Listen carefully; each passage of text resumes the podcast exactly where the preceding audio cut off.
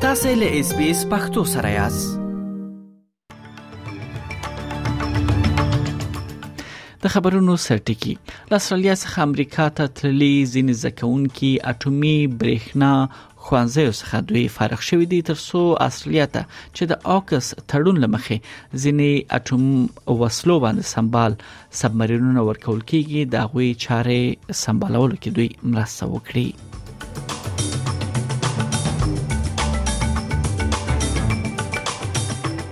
د استرالیا د هوساینې پروګرام یا سنټرلینګ د روبوټ سکیم په اړه پلټنې کمیسیون چې رویل کمیشن دی د هغې موندنې په تعقیب کې شل بې نومه حکومتي وزیران او هم عامه کارمندانو پر وړاندې مدني او هم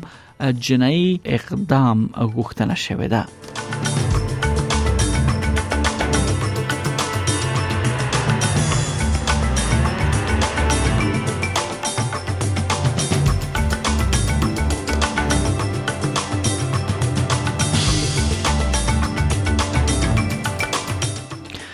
بلخوا په ایران زیدان کې د اهل سنت مولوی امام عبدالحمید زهی ویل دي چې ملګری ملتونه د په ایران کې لزندانونو څخه دوی کتنه وکړي ځکه چې الته د هغه پوینه ډیر داسې کسان په زندانو کې دي چې هغوی باید نه اوسي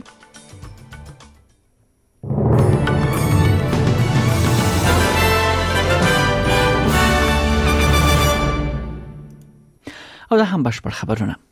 درې استرالیان د هغو زکونکو په ډله کې وو چې د متحده ایالاتو په اردو کې یې یوازې یو لخواره سخت او اکاډمیک پروګرامونو څخه دوی یعنی فارغ شول د سویلي کارولینا د اټومي برېښنا ښوونځي څخه دغه کسان فارغ شوي دي د روزنې پایپلاین د متحده ایالاتو سره د آکس تړون دی وی برخه په توګه د غرامنسه شوې ده ځکه چې لمخې استرالیا یعنی استرالیا خپل اټومي ځواک لرونکي سبمرینونه ترلاسه کوي درې استرالیانو د نومبر په میاشت کې د اټومي برېښنا ښوونځي کې دوی زده کړې پیل کړې چې په پای کې د اټومي ځواک لرونکو سبمرینونو کې د راکټورونو چلولو لپاره دوی وړتیا ترلاسه کړې مرستيال اډمیر مارک هامون چینل لاین ته ویل چې دا د متحده ایالاتو سره د استرالیا د سمندري ملګرتیا لپاره یو تاریخي شیبه ده We've made a lot of progress. There is a lot of work to do, but one of the, the cornerstones of this work is growing the submarine workforce and the industrial workforce. Uh, so, uh, this uh, being a, a, a, significant waypoint in a very, very long journey, which is going to take many years, uh, many decades before the, the capability re- reaches its full maturity. د استرالیا د هوساینې پروګرام یا سنټرلینګ د روبوټ سکیم په اړه د پلټنې کمیسیون چې رویال کمیشن یعنی نومیږي د غي موندنې په تعقیب کې د شل بې نومه حکومتي وزیران او هم عامه کارمندانو پر وړاندې مدني او هم جنایي اقدام غوښتنه شوې ده د جمعې پر ورځ خبر شوی راپور کې دغه طرحه دا سبل شوې ده چې دا یو خرابه او ظالمانه و او هم دا نه عادلانه او نه قانوني طرحه و د ربوټ قرباني فلسټي ډي سومرل هغه مهال چې خپل لور ډاکټر ته وړله نو خپل حساب کې 11500 ډالر لګ وموندل نوموړی د یاد روبوټیک سیستم یو له قربانیانو څخه ده هغه چینل لاین ته ویل چې پیسو له لاس ورکول سره هغه ډیر ژر پوه شو چې سنټلنګ خپل پور د پور راټولونکو روبوټ له لارې په بشپړ مقدار یې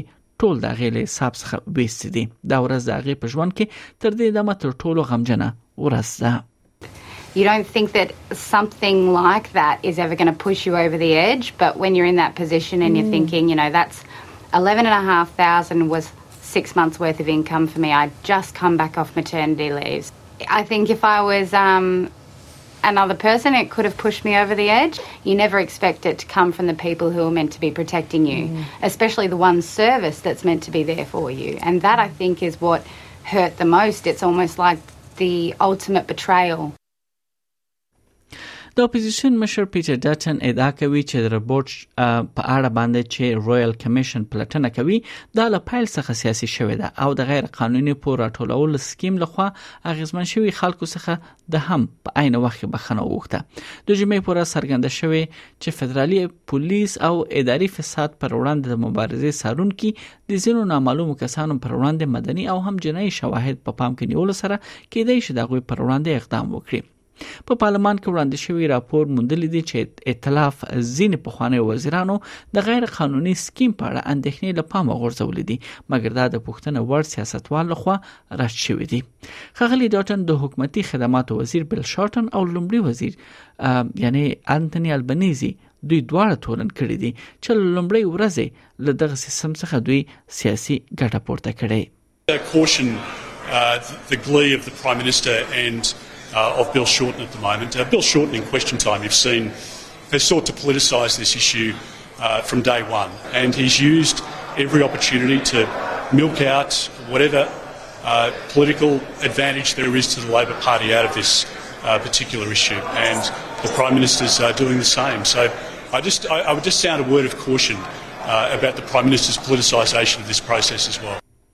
په استرالیا کې ډيري کورونو پور اخیستونکو اوس هم د پور بیرته ورکولو لپاره له ستونزو سره مخ دي دا سره لدی چې د ریزرو بانک لخوا د سود نرخ روانه میاش لوړ نشو چې د ډیرو یعنی د ډیرو کسانو په وینا پور اخیستونکو لپاره دا یو راحت ترلاسه کول دي دوه شپته کلنه انډریا ګیز د کوچنی سوداګرۍ مالکه ده او سره لدی چې هغه 200 کاله کار کړی دی هغه وایي چې اوسنۍ سود نرخونه لوړوالی لوجه لګڼو سوز سره مخ ده هغه چینل 9 ته ویل چې د کورونو پور د باري کارپوریټ فیسونه او برېښنا او غازو بلونو کې زیاتوالی په دې معنی دی چې هغه له تیرو دریو کلونو کې د پیسو هیڅ بچت نه لري اغلې ګیز د مرکزی بانک ته دغه پیغام لري I think they need to consider the little man, the sole traders, the small business owners who are doing good in the workforce. They need to look at how it's affecting people like us. I mean, the situation here is also that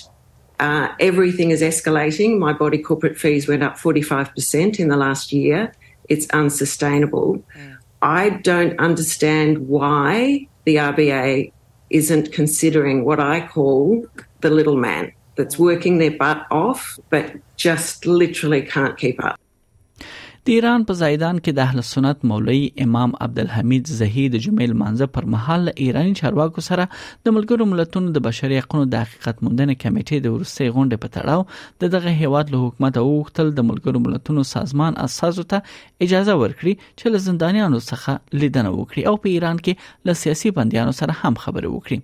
مولوی عبدالحمید د هغو سرګندونو په اړه چې خبه او چې په ایران کې پوزي محکمې جوړ شوی وای او د اعتراض کوونکو شکایتونه په ایران کې دننه سړل شوی وای ویل دي چې د خزو انجونو شکایتونه ته چې پر هغه تیرای شوی دی او یا یې سرګي له لاس ور کړی دی پام شوی وای هغه وخت اړتیا نه و چې شکایتونه د بشري حقوقو تر سازمانه رسیدل وای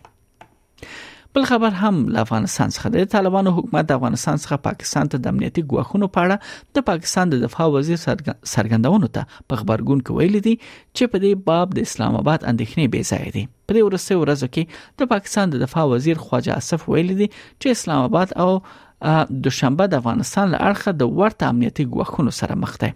خواجه اصف دا څرګندونه له پاکستان څخه د تاجکستان د دفاع وزیر شیر علي میروز په مشرۍ د یو پلاوي په سفر پر مهال کړی دی خو د طالبانو د حکومت مرستيال وایند بلال کریمی د خواجه اصف څخه څرګندونه بیا اساس بللې دي او بل خبر له پاکستان څخه دی په پاکستان کې د لادرکو کسانو د موندلو لپاره جوړ شوی کمیسون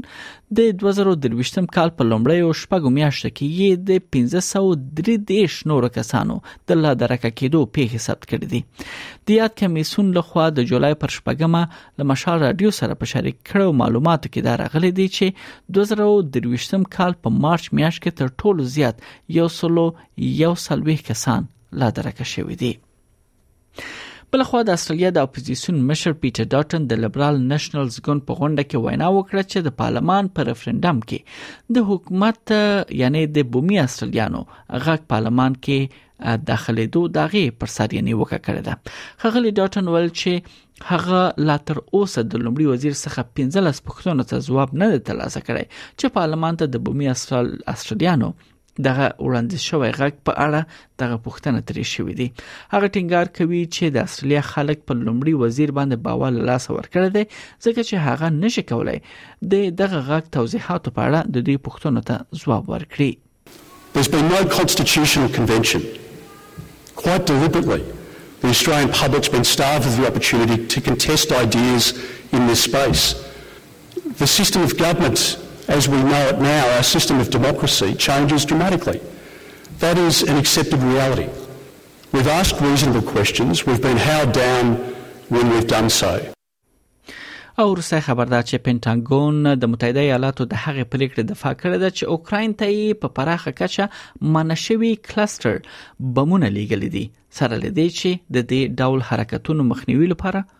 قوانين شتون لري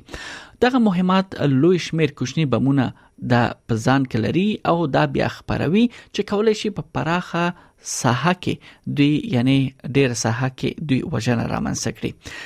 د دفاع وزارت مرسیال کولن هاکل وایي چې لیګل شوی مهمات اوکراین ته د ناکامۍ کچه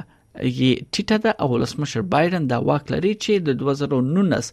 قانون په استثنا دغه مهمات اوکرين ته ورکړي Are we breaking the law? We are not breaking the law. Um, I would say, first of all, the, the prohibition against exporting above 1%. These munitions are pretty close to 1%, but they're not at the 1% level. Uh, but the president does have the authority uh, to waive that requirement on national security grounds, and that's what uh, he has done in this instance. Uh, there's no dispute that he has that authority, it's in, it's in law.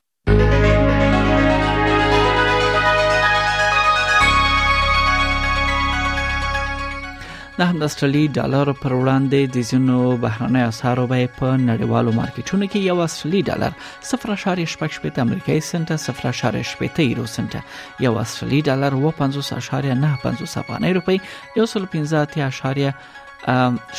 سلور شپېته پاکستاني روپی یو اصلي ډالر 55.13 هندۍ روپۍ 2.15 اماراتي درهم او 0.25 انګلیسي پنسه ارزښت لري دا هم د اصليت د زونو خارونو نن لپاره د تودوخه تر ټولو لوړ درجه هغه هم د سانتیګریډ په کچه سیدنی کې هوا مریضه ده او باد د لوړ درجه 60 سانتیګریډ اټکل شوې ده بلخوا په ملبورن کې هوا هم البته په ملبورن کې هوا هم باراني ده لوړه درجه 16 سانتیګریډ اټکل شوې ده په برزبن کې هوا لمریزه ده 20 په پرت کې هوا باراني 19 په اډلیډ کې هوا باراني 15 په هوبارت کې هوا باراني 14 او په اخر کې نه البته هوبارت نه روسه کمبرا ده چې هلته هم هوا باراني ده لوړه درجه لس سانتیګریډ اټکل شوې ده او په اخر کې ډاروین هلته هوا لمریزه او د تودوخې تر ټولو لوړ درجه 40 سانتیګریډ اټکل شوې ده